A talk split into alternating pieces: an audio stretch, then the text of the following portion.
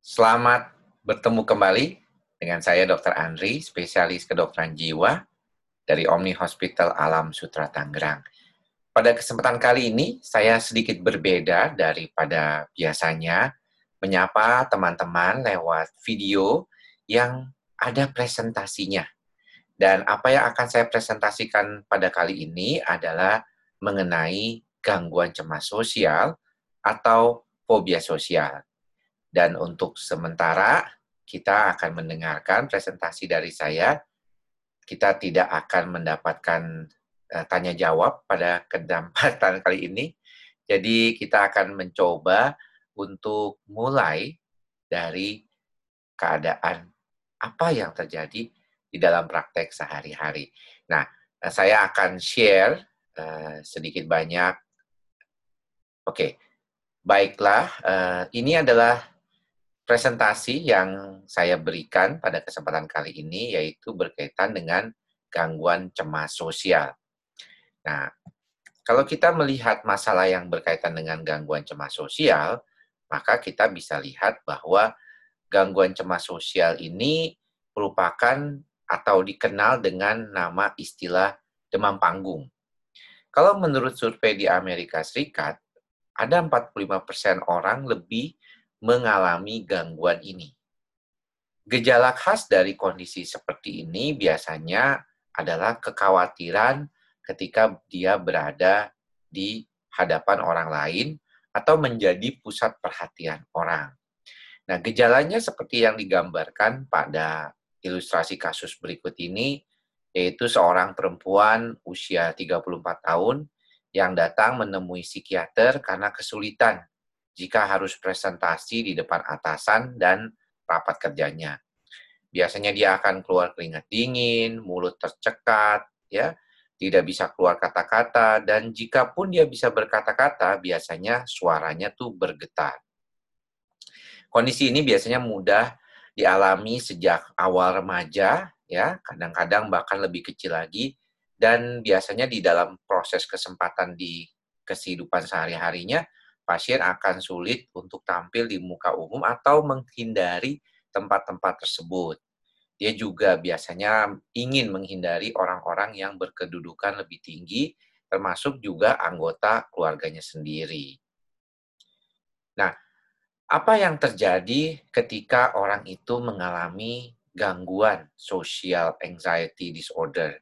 Jadi gejala-gejalanya itu sebenarnya mirip dengan gejala-gejala gangguan kecemasan panik. Hanya saja kalau orang yang mengalami gangguan social phobia itu disebabkan karena problem berkaitan dengan kondisinya ada di tempat terbuka ataupun di saat menjadi pusat perhatian atau ketemu dengan orang yang lebih tinggi jabatannya.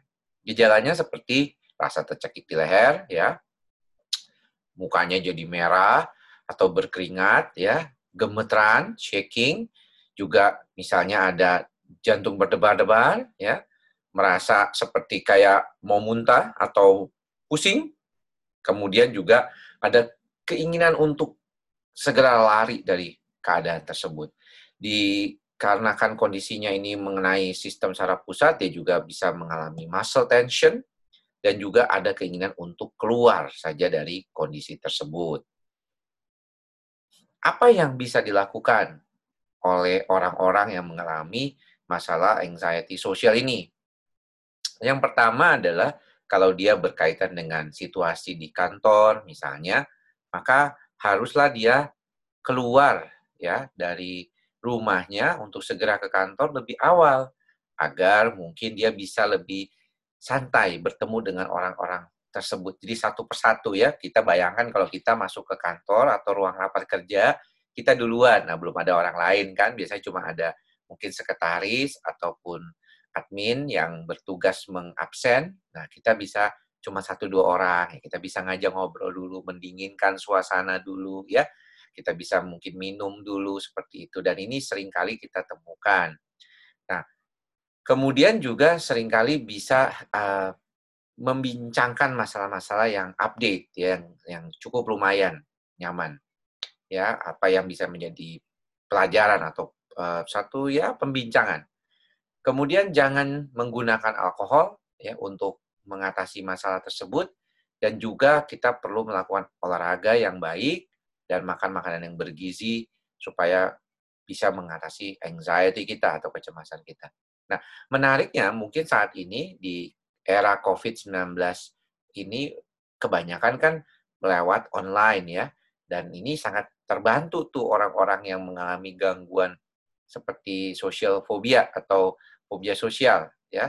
Biasanya kan dia harus berhadapan langsung dengan bosnya. Nah, sekarang bisa lewat layar. Ini mungkin sangat membantu buat teman-teman ini. Sehingga kalau ditanya apa yang bisa membantu teman-teman ini agar lebih nyaman adalah bagaimana dia bisa bekerja di tempatnya yang sesuai. Ya banyak yang memilih pekerjaan menjadi seniman, ya pelukis atau menjadi orang tua di dalam rumah ya. Misalnya baik laki maupun perempuan kan sama aja kalau di luar negeri dia lebih senang bekerja di rumah, mungkin tidak bekerja di luar rumah dan menjadi pengasuh anak-anaknya.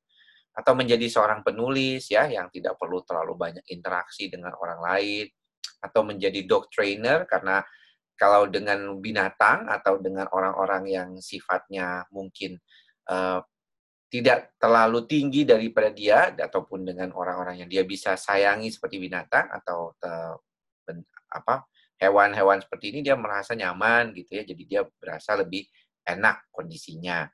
Atau menjadi konselor, ini menarik nih, kenapa kok bisa dok? Karena konselor itu bekerja sendiri ya biasanya. Jadi dia dengan pasien, dia tahu bahwa pasien ini datang membutuhkan bantuan dia, dia merasa ada di level yang lebih tinggi mungkin merasanya. Dengan kondisi seperti ini dia merasa bahwa orang itu tidak perlu dia takuti karena selama ini kan biasanya dia takut dalam kondisi di mana dia menjadi pusat perhatian atau bertemu dengan orang yang level tinggi ataupun bosnya misalnya atau atasannya.